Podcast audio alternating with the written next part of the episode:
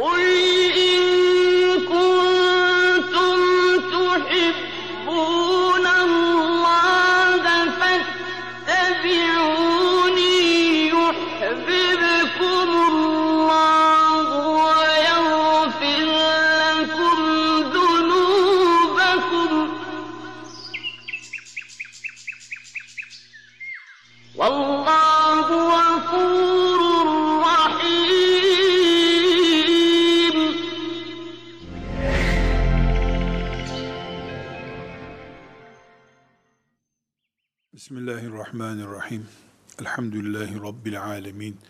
Ve sallallahu ve sellem ala seyyidina Muhammedin ve ala alihi ve sahbihi ecma'in. Bugün dünün devamıdır. Dün büyüyen ağaçların meyveleri bugün yeniyor. Aynen bunun gibi dünkü olayların yoğurduğu insan kafası bugün hayata şekil veriyor. Elbette her şey Allah'ın kaderiyle ve dilemesiyle oluyor ama zahir sebepler olarak biz beşer mantığıyla ve beşer kimliğiyle baktığımızda görebildiğimiz kadarıyla dün dikilen ağaçların bugün meyveleri devşirildiği gibi dün insanın karıştığı olaylar sebep olduğu olaylar bugünkü hayat tarzını ortaya çıkarıyor. Teknolojide de böyle. Dünkü basit keşifler bugün modern cihaza dönüşüyor. Dünkü basit olaylar, bugünkü büyük kavgalar, bugünkü büyük sıkıntılar veya benzeri sonuçların temel nedeni oluyor. Bu nedenle tarihi iyi anlamayanlar, bu mantıkla tarih okumayanlar, İstanbul'un Sultan Mehmet'in eliyle fethedilmesi, Ayasofya'nın camiye tahvil edilmesi nasıl oldu, neden oldu diye anlayamayanlar, bugün Ayasofya'nın hala neden kapalı olduğunu anlayamazlar. Belki de İstanbul'da okunan ezanlara da anlam veremezler. Bu sebeple bugünü iyi tahlil etmek, bugünü mümin gözüyle rahat ve istifade edilecek sonuçlar şeklinde anlayabilmek, dünü bilmekle mümkündür dedik. Bugün mesela, bütün İslam topraklarında ciddi bir şekilde sanki iki ayrı din imiş gibi dışarıdan izlenmesi mümkün olan bir Şiilik ve bir Sünnilik mefhumu vardır. Esasen bizim itikadımız odur ki İslam Resulullah sallallahu aleyhi ve sellemin getirdiği din ise sünnet ve sünnilik de Muhammed aleyhisselama uymak demek ise diğer isimlerin bir anlamı yoktur. Ama realite böyle değil.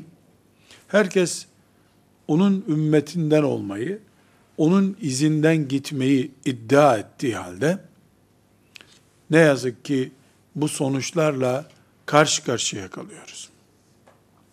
Bizim bir kere insan olarak bu mevcut karışıklığı, bu mevcut bölünmüşlüğü gidermemiz tek başımıza asla mümkün değil.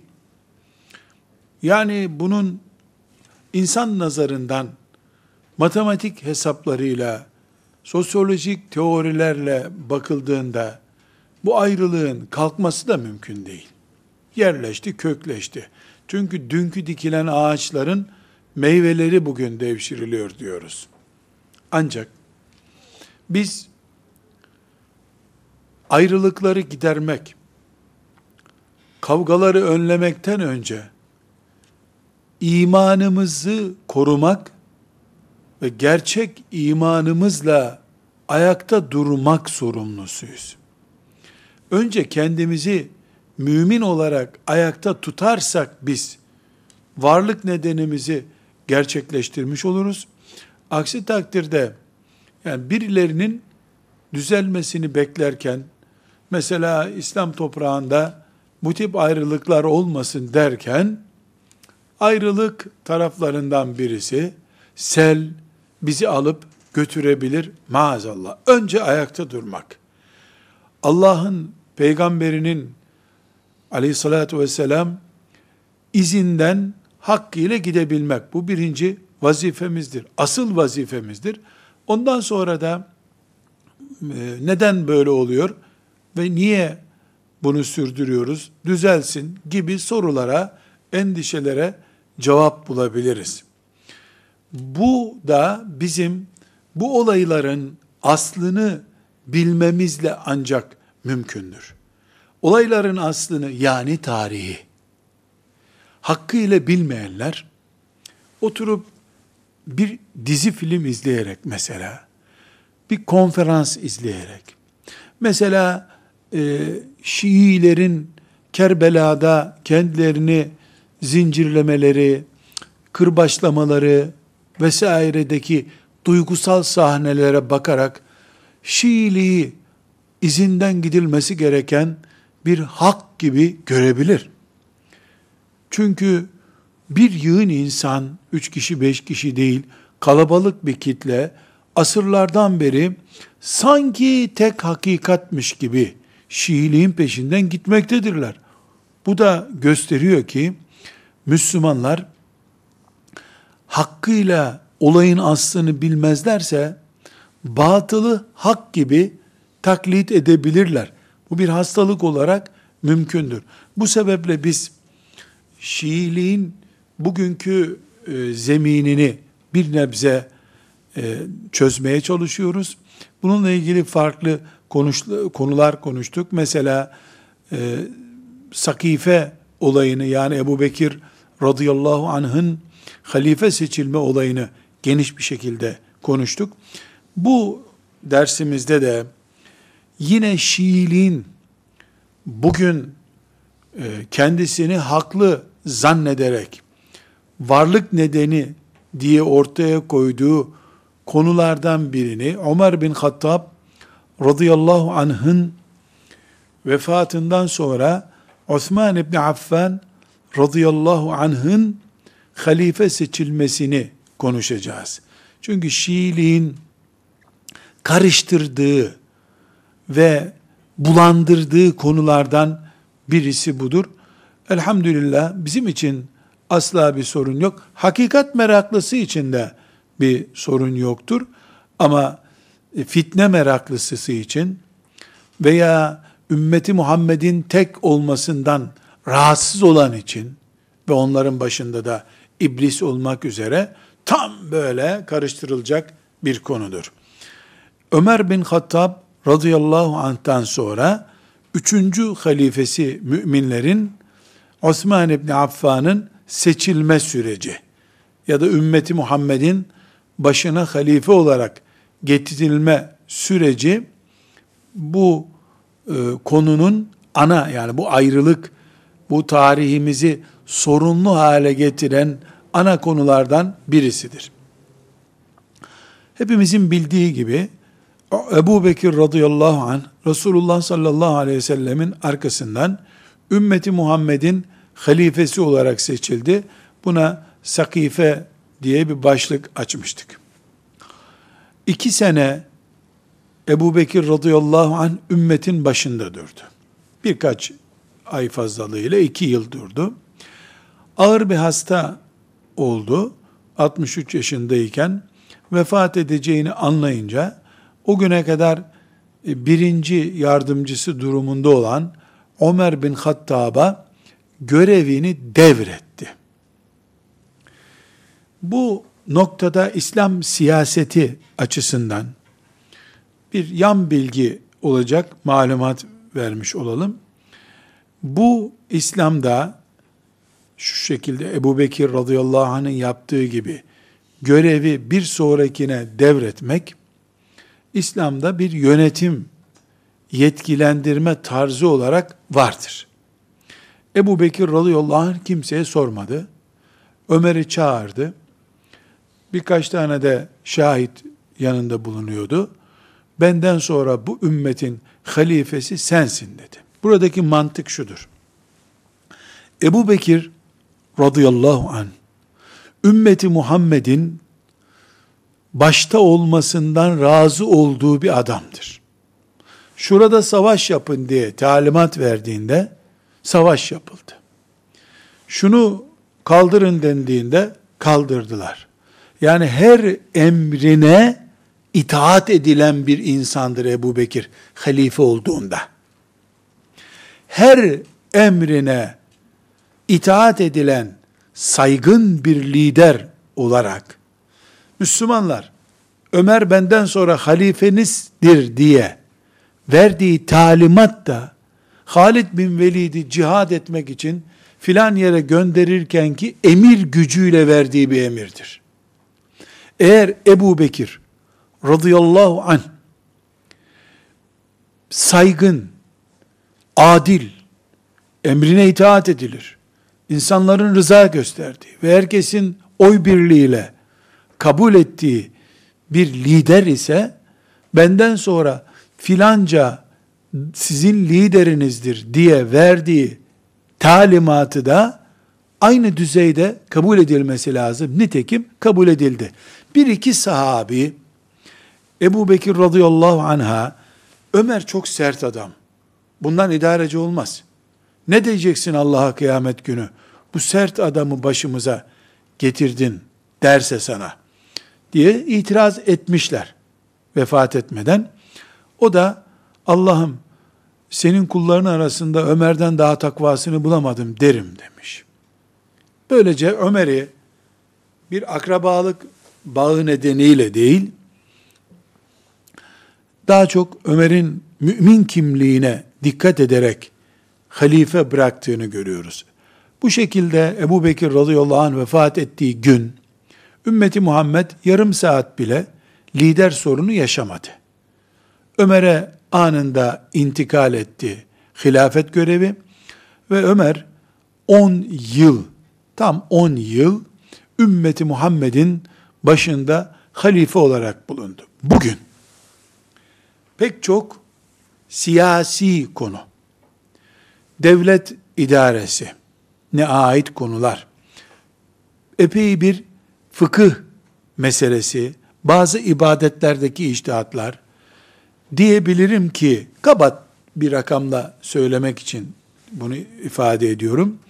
İslam'ın devlet mekanizmasından cami düzenine varıncaya kadar pek çok konuda bugün bizim rutin diye yaptığımız ibadetlerimiz, siyasi tavırlar, yargıdaki tutumlar vesaire bunlarda Ömer bin Hattab'ın imzası vardır. Daha doğrusu onun döneminin imzası vardır. Çünkü Ömer kesinlikle tek başına despot mantıklı devlet yönetmedi. Radıyallahu anh Şura Meclisi çok aktif bir şekilde çalışıyordu. Bu şekilde Ömer 10 yıl idare etti. E, bildiğimiz bir olaydır. Bir mecusi, e, Medine'de yaşayan bir mecusi, e, Ömer bin Hattab radıyallahu anh'ı bir sabah namazını kıldırırken Resulullah sallallahu aleyhi ve sellem mescidinde hançerledi. Ömer radıyallahu anh ağır yaralandı. Üç gün kadar yaralı, e, yani bağırsakları dışarı çıkmış şekilde yaralı olarak yaşadı. Üç gün sonra vefat etti. Bu 10 yıllık Ömer döneminin bitimiyle beraber Ömer radıyallahu anh muhteşem denebilecek bir karar aldı. Kararı şuydu. Şimdi bir kere mescitten sedye ile sal yaparak götürdüler Ömer'i evine. radıyallahu anh. Orada üç gün kadar yaşadı. Birkaç saat baygındı. Ondan sonra ayıldı. Doktor getirdiler. Doktor süt içirdi ona. Süt dışarı çıktı midesinden. Doktor dedi ki bu yaşamayacak daha. İç organlarının parçalandığı anlamış, anlaşılmış. O zamanki böyle bir test varmış. Yaralanan insana süt içiriliyor. Süt e, midesinden veya yarasından çıkıyorsa iç organlarının parçalandığını anlıyorlar. Böylece yaşamayacağına hükmediyorlar. Böyle bir karar vermiş doktor. Bunun üzerine Ömer radıyallahu anh kendisinden sonraki halifenin kim olacağı konusunda bir kanaat kullandı. Bu kanaat oturulup bugün üzerinde sosyolojik açıdan ve Müslümanların siyasi hayatlarını, Müslümanların insani ilişkilerini, Müslümanların İslam değeri üzerinden hayat algısı oluşturma kabiliyetlerini tahlil eden belki 50 tane doktora tezi yapılacak çapta müthiş bir karar verdi. Abdullah İbni Ömer yani Ömer'in büyük oğlu Abdullah ashab-ı kiramın çok sevdiği bir delikanlıydı. Hem alim biriydi hem de Resulullah sallallahu aleyhi ve sellem onu çok seviyordu sağ iken. Ee, Ömer'in halifeliği döneminde de şımarık bir lider çocuğu değildi. Sıradan bir Müslüman gibi yaşıyordu. Ashab-ı kiram ve tabi'in nesli Abdullah'ı çok seviyorlardı. Ömer'den rica ettiler. Dediler ki senden sonra yani öleceği belli çünkü görünen köy. Bir de 63 yaşında. Resulullah sallallahu aleyhi ve sellem 63 yaşında vefat etti. Ebu Bekir aynı yaşta. Ee, Ömer 63 yaşında, Ali de 63 yaşında vefat ettiler. Osman sadece 82 yaşında vefat etti. Yani bu 63 onlar için bir işaret tabi.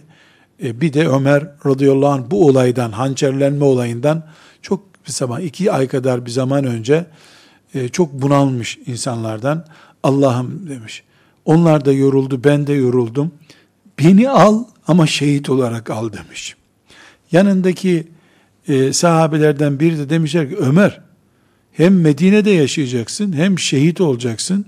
Bu biraz olmaz bir şey. Yani sen cihada gitmiyorsun, burada duruyorsun. Nasıl şehit olacaksın? Demişler. Allah her şeye kadirdir demiş. Hem şehit oldu, Resulullah sallallahu aleyhi ve sellemin mihrabında üstelik şehit oldu. Hem Medine'yi gördü. Çünkü Medine'den de ayrılmak istemiyordu. Her halükarda e, sahabenin büyükleri rica ettiler. Dediler ki Abdullah halife olsun senden sonra. O da bir aileden kıyamet günü bir kişi hesaba çekilsin yeter ümmet adına demiş. Çocuğumu yakmayın. Yani halifeliği onca adaletine ve onca herkesi razı eden tutumuna rağmen çocuğunun o işe bulaşmasını istememiş. Ölürken bile Ömer olarak öldü. Ömer Müslümanlığı böyle bir şey. E ben istemiyordum ama madem çok rica ettiniz, e, olsun canım zararı yok diyebilirdi. Herkes de razıydı bundan. Ama o ölürken de Ömer Müslümanlığında öldü. Allah ondan razı olsun.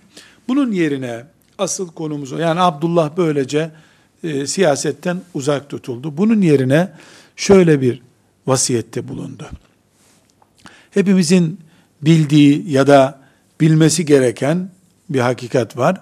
Resulullah sallallahu aleyhi ve sellem vefat ettiğinde 10 Müslümana Allah'ın cennet vaat ettiğini ve kendisinin de peygamber olarak bu 10 kişiden katiyen razı olduğunu söyleyerek öldü Efendimiz sallallahu aleyhi ve sellem. Yani öldüğünde bu hakikat vardı.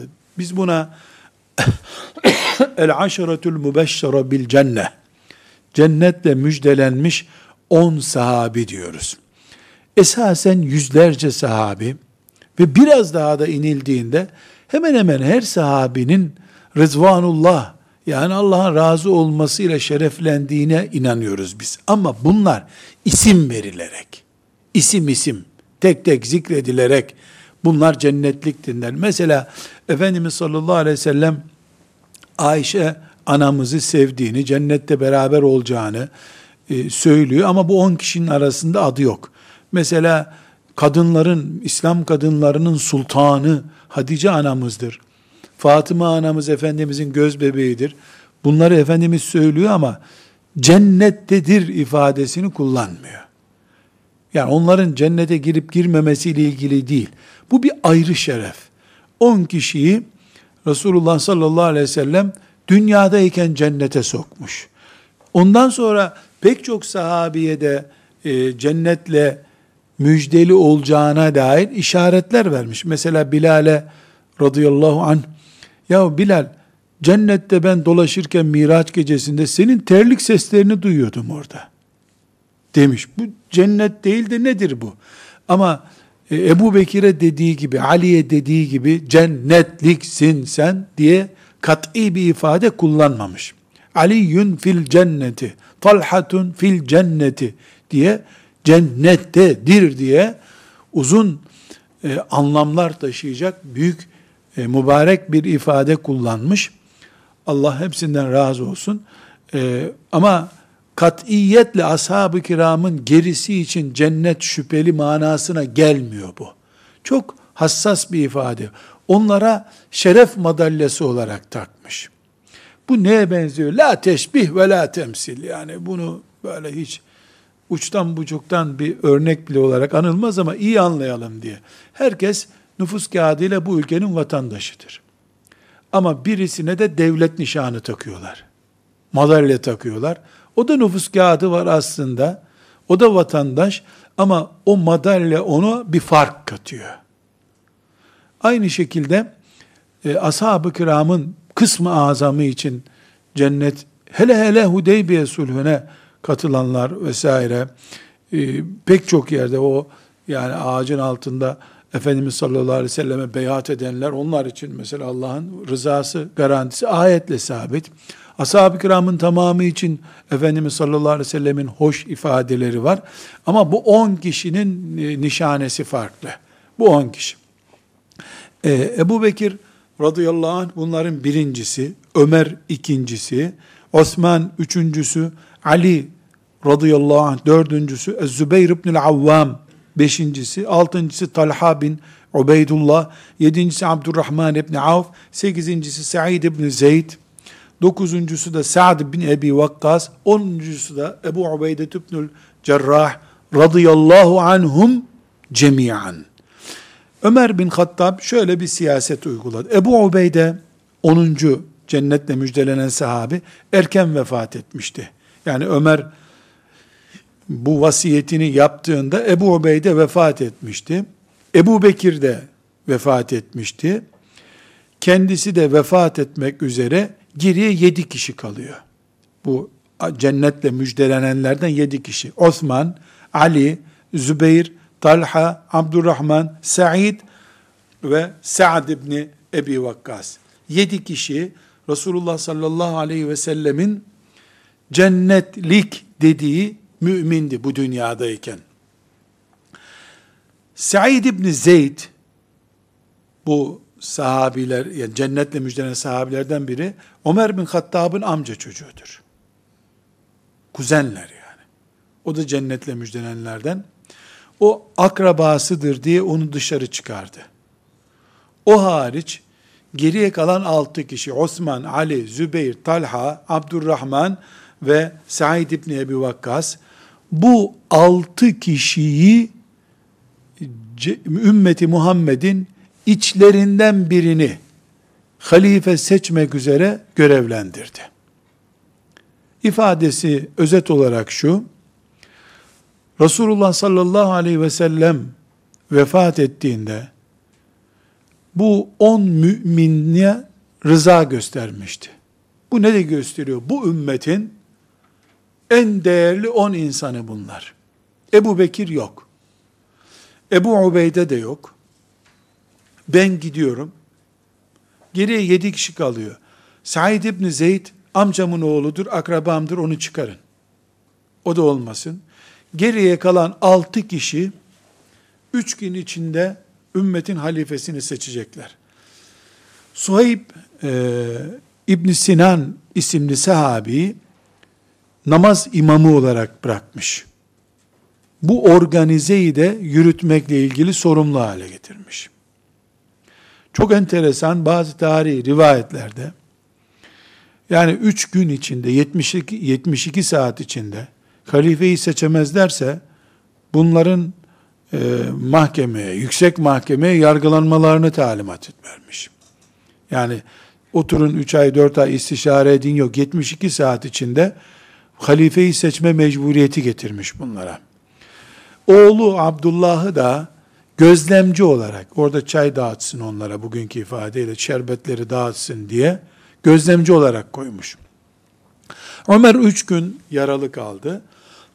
Bu üç günden sonra vefat ettiğinde vefat ettiği dakika halifenin görevi bitmiş oldu.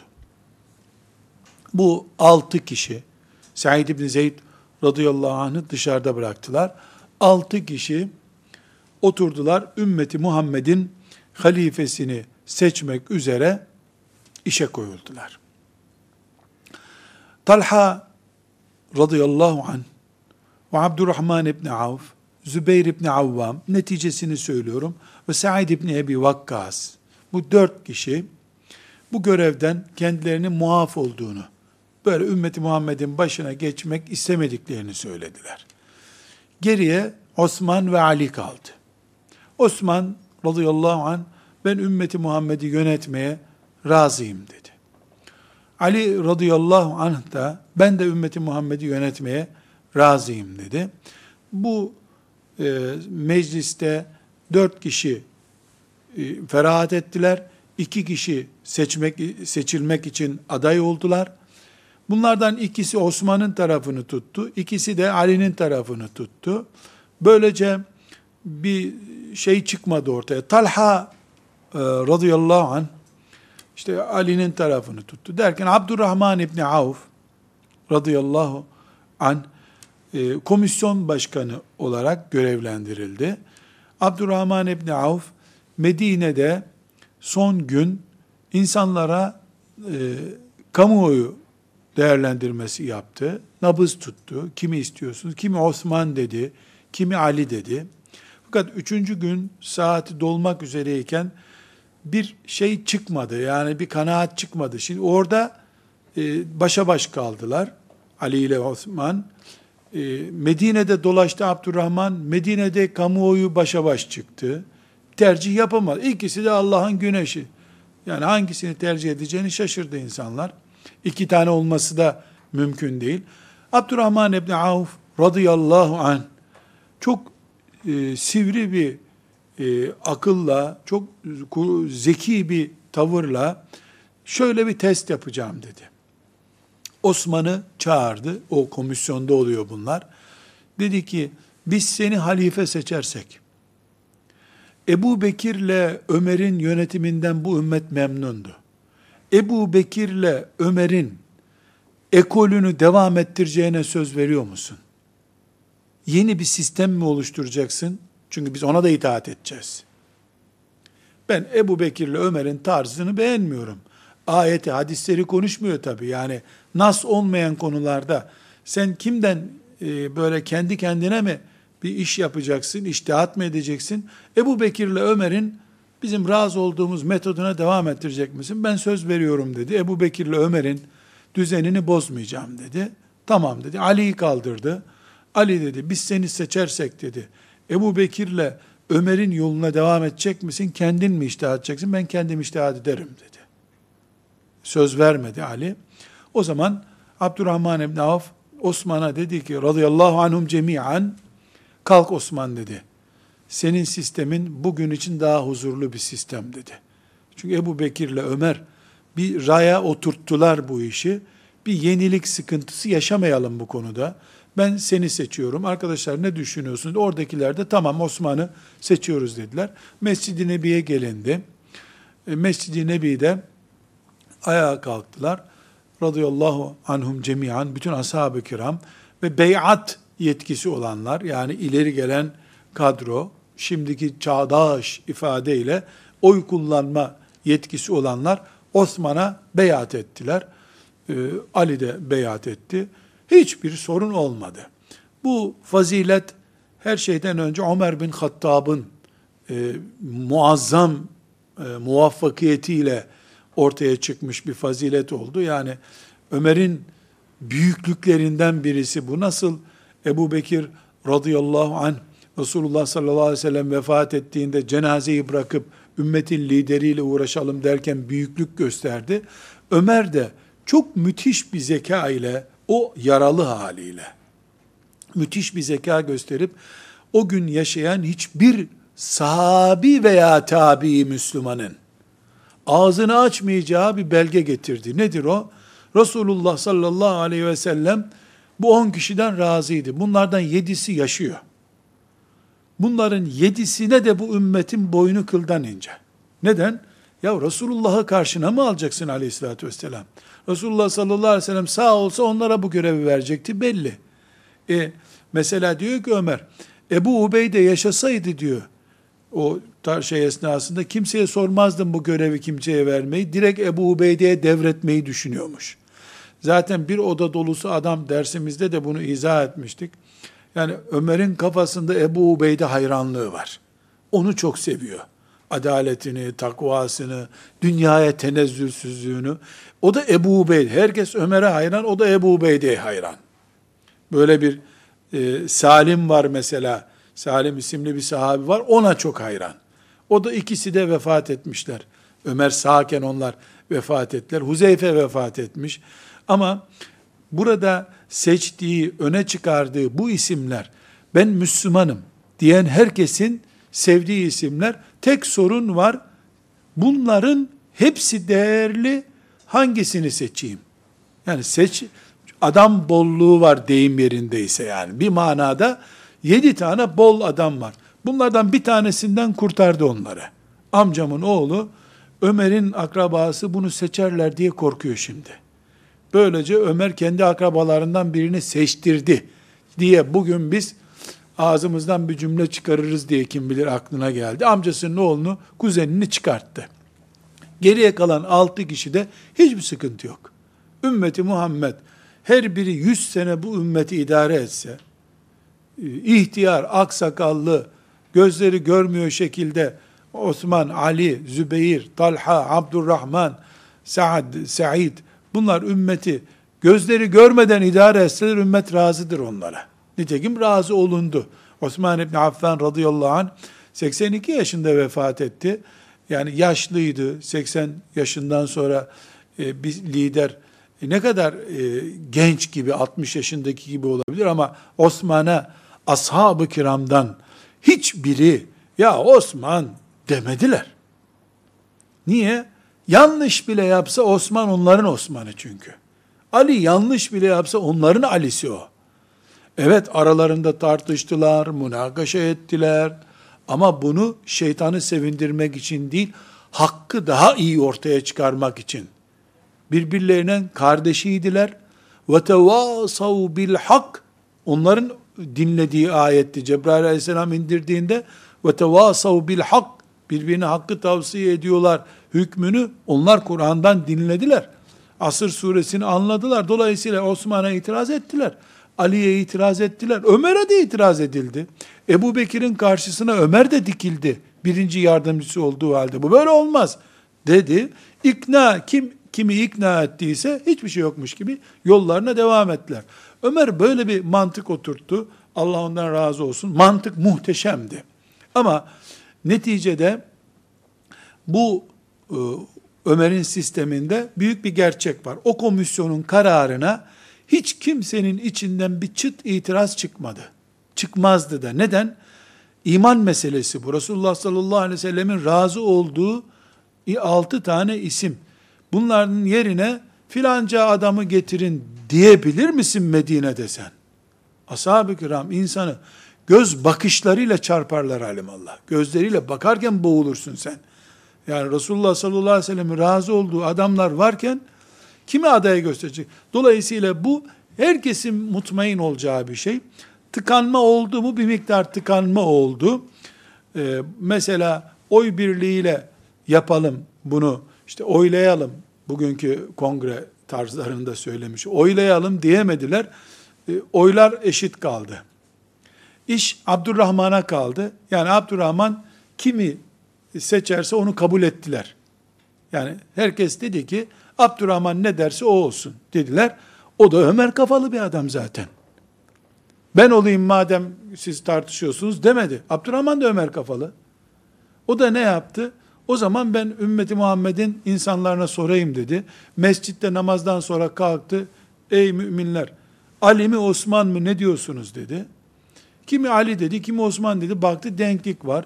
Gitti Resulullah sallallahu aleyhi ve sellemin yaşayan hanımlarına sordu. Siz kimi istersiniz dedi. Baktı orada da gene denk çıkıyor isimler. Allah'ın kaderi değil mi? Halbuki karşısına çıkan 50 kişiden 40'ı Ali deseydi veya 40'ı Osman deseydi hiç oylama bile yapmayacaktı. Osman halifemizdir gelin diyecekti. Allah işte dengede tuttu her şeyi. Geldi son çaresi biz Ömer'in ve Ebu Bekir'in yönteminden çok memnunuz. Ümmet olarak yüzümüz güldü.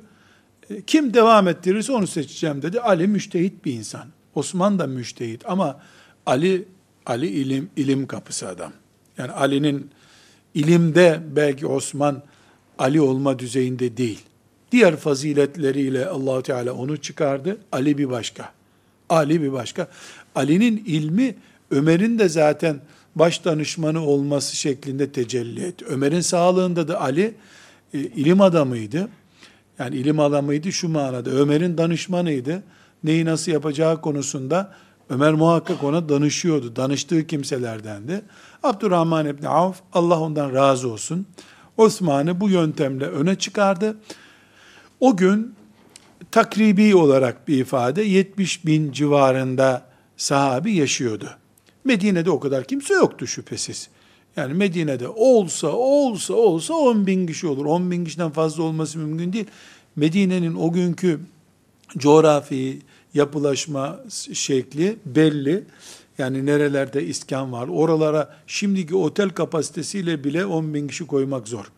Yani böyle köyleri, dışarıları, Taif, Mekke, yeni fethedilmiş yerlerde yaşayanlar, ilim öğretmek için, ibadetleri öğretmek için Medine dışına çıkan sahabiler, yani bir 50 binle 70 bin arasında sahabi sağdı. Allah hepsinden razı olsun. Ee, onlarla beraber Havz-ı Kevser'in etrafında buluşmak şerefine bizi de Allahu Teala kavuştursun. Bu sağ olan sahabilerden bir kişi dahi itiraz etmedi. Neden? Sistem, Ömer'in oturttuğu bu altı kişilik şura sistemi güçlü bir sistem. O şura sisteminin işleyişine bir itiraz yok. O altı kişi aralı mesela Ali çıkıp ya böyle toplantı olur mu demedi orada.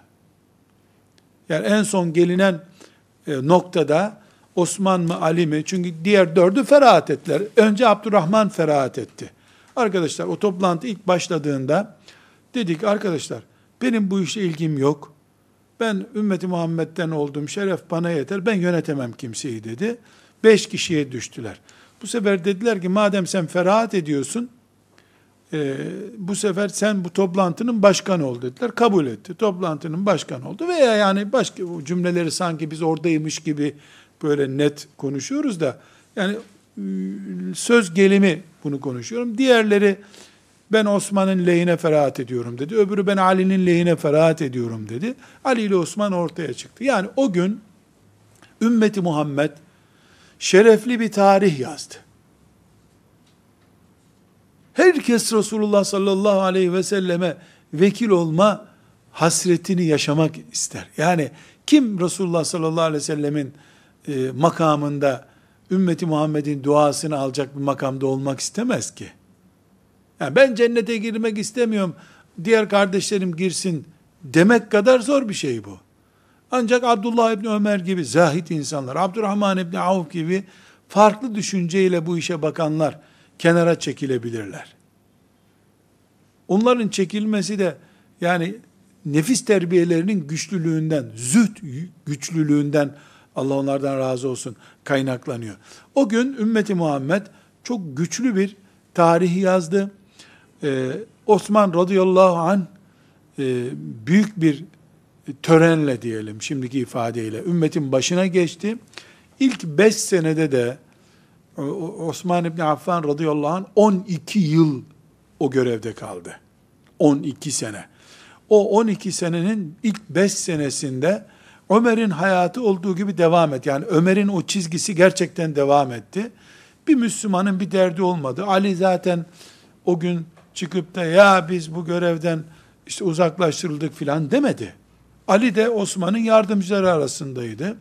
Yani çok tatlı, hoş, şeytanın çatladığı bir gün oldu. Tam anlamıyla. Şeytan o gün çatladı elhamdülillah. Ashab-ı kiram Bedir'de şeytanı çatlattıkları gibi orada da çatlattılar. Fakat 5. seneden sonra Osman İbni Affan radıyallahu anh'ın yönetimi döneminde sıkıntılar başladı. Yani şeytan 5 sene sonra asırlar öncesinden biriktirdiği tohumları ekti. Onlar yavaş yavaş zehirli meyveler vermeye başladı. Ama ashab-ı kiramın büyükleri açısından, mesela Ali radıyallahu anh açısından, Osman döneminde kıyamet koparacak, itiraz edecek, böyle mitingler yapacak, bizim zamanımıza göre, basın bildirileri yapacak bir şey olmadı. Evet, yanlış gördükleri şeylere itiraz ettiler. Bu böyle olmaz dediler. Osman radıyallahu anh kimini düzeltti, kimini. Ömer'e de itiraz ettiler zaten. Ömer'e de Resulullah sallallahu aleyhi ve selleme bile gelip ya Resulallah bunu sana Allah mı emrediyor? Sen mi iştihad ettin diye sordular.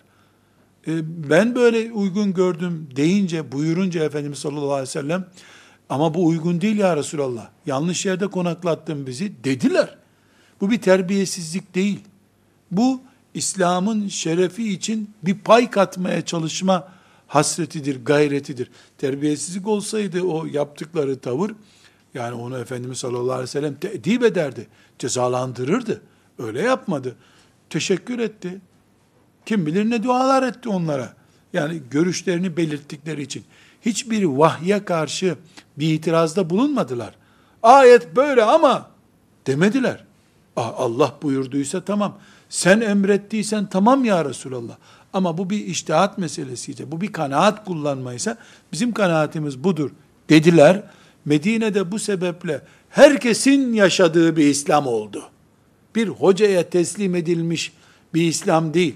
Ashab-ı kiramın uygulamasında herkesin görüşünü belirtebildiği, herkesin mutmain olduğu, görüş belirtmekte bir sıkıntının olmadığı bir hayat yaşadılar. Çok basit bir örnek Ömer döneminde. Mesela Bilal Habeşi radıyallahu anh geçimi zor bir tipmiş. Yani her şeye itiraz ediyor. Anlamadığını bir daha soruyor. Devlet Şura Meclisi'ne Ömer onu da koymuş. Resulullah sallallahu aleyhi ve sellemin hatırası o çünkü. Bilalsiz olur mu meclis? Oturtmuş. Şimdi geliyor toplantılarda sık sık itirazlar ediyor. Ömer de ah Bilal be, Bilal yahu diyor. Yani çok çıkış yapıyorsun Bilal der gibi ama bir dahaki toplantıda Bilal gelmeden başlamıyormuş. Yani bunaltsa bile diyelim, bunaltmış olsa bile onun yeri var.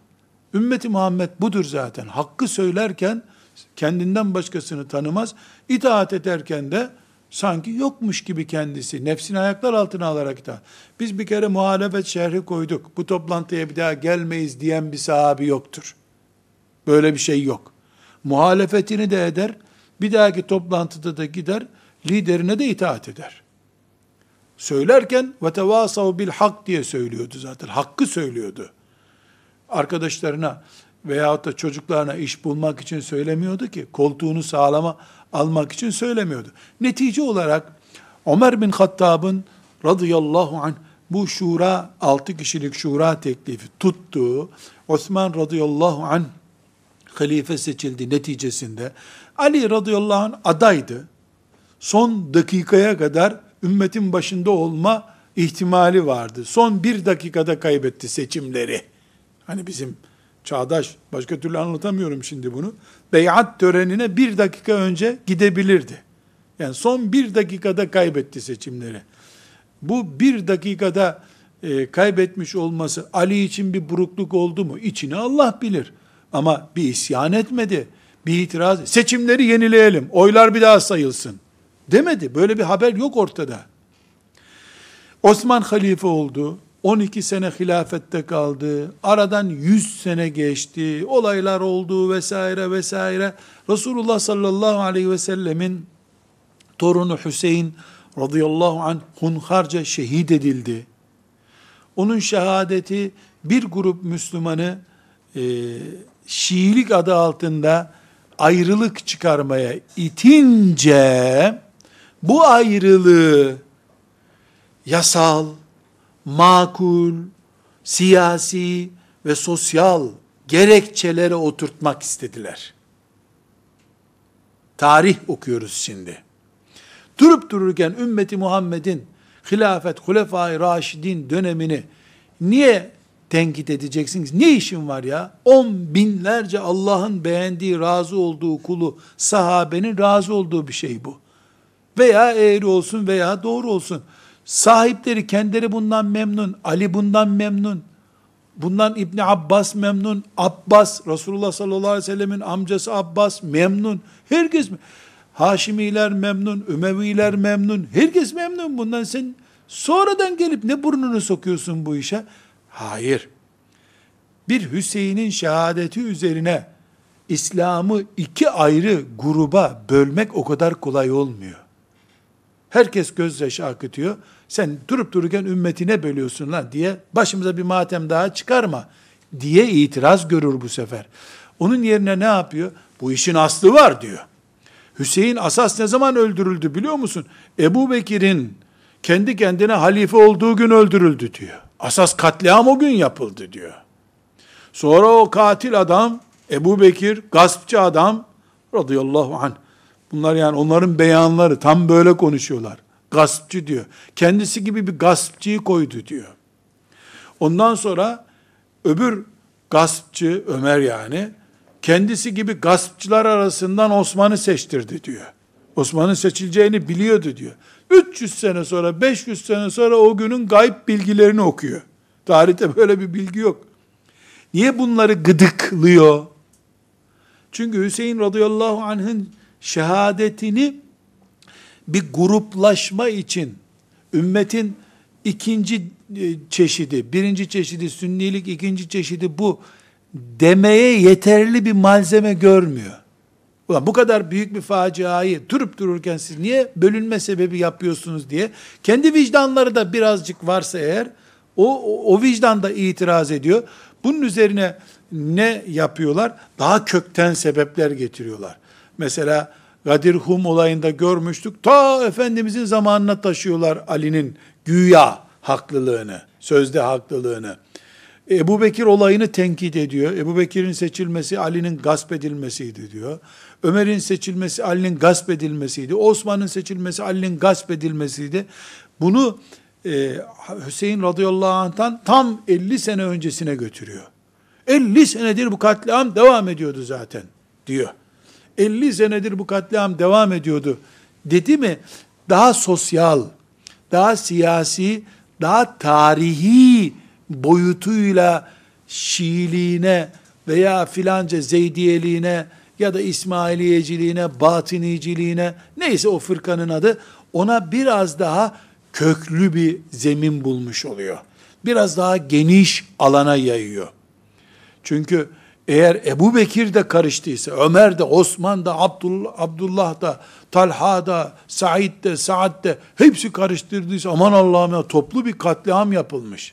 Etnik temizlik yapılmış sanki gibi bir görüntü e, ortaya konuyor. Aklınca şeytanın da razı olacağı şekilde yani şeytan da bu arada tabi bu dosyalardan çok memnun tutuyorlar.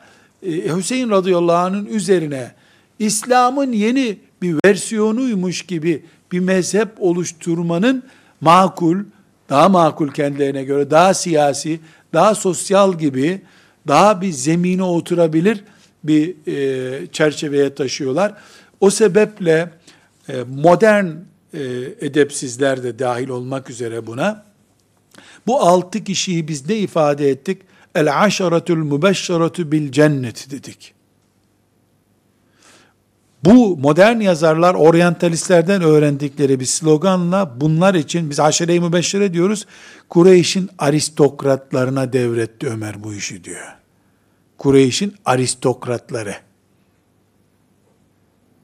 Çünkü eğitim gördükleri batı kültüründe aristokratlar ve vatandaşlar arasında bir savaşla tarih yazıldı.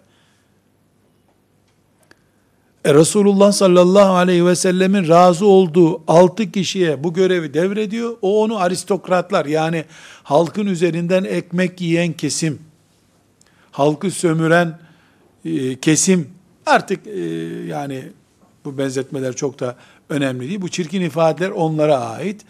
Bu e, bugünkü Şiiliğin, Şiiliğin kolları olan Batiniliğin, İsmailiyesi, 12 fırkası, onlarca fırka ve şimdiki aklınca İslam'ı modern dünyaya cazip gösterecek demokratik tahammülleri din gibi bize lanse etmeye çalışacak anlayışların tamamında tarihimizin onlara malzeme olacağını zannettikleri konularından biri bu altı kişilik şura meclisidir. Bu ümmeti Muhammed'in insanlık tarihine yazdığı Ömer'in eliyle hançerlenmiş ve ölüm dakikalarını bekleyen bir adam Ömer o gün. Ama Ömer'in Müslümanlığı farklı bir Müslümanlık. Bu Ömer'in anlayışıyla ümmetin tarihine yazdığı çok şerefli bir sahnedir. Biz bununla övünüyoruz, iftihar ediyoruz. Elhamdülillah ashab-ı kiramın hançerlenmiş, ölüm döşeğinde bekleyeninin bile bu tür kafası varmış meğer ki. Diyoruz, bununla iftihar ediyoruz. Müthiş bir seçim, bu komisyonun seçimi müthiş bir seçim diyoruz. Nitekim on binlerce sahabi baş göz üstüne ettiler, mutlu oldular bununla. O, o cuma namazını daha ahenkli kıldılar. Osman radıyallahu anh çıktı, muhteşem bir hutbe okudu o gün. Okuduğu hutbe kısa, öz ama ashab-ı kirama eski günlerini hatırlattılar.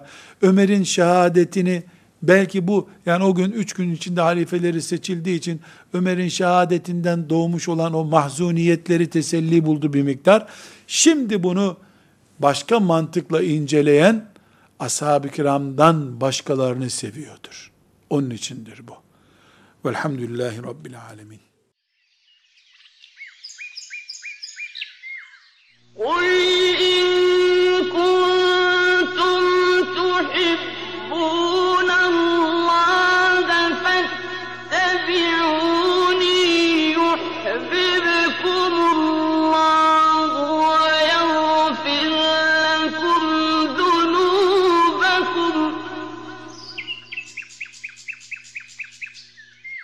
والله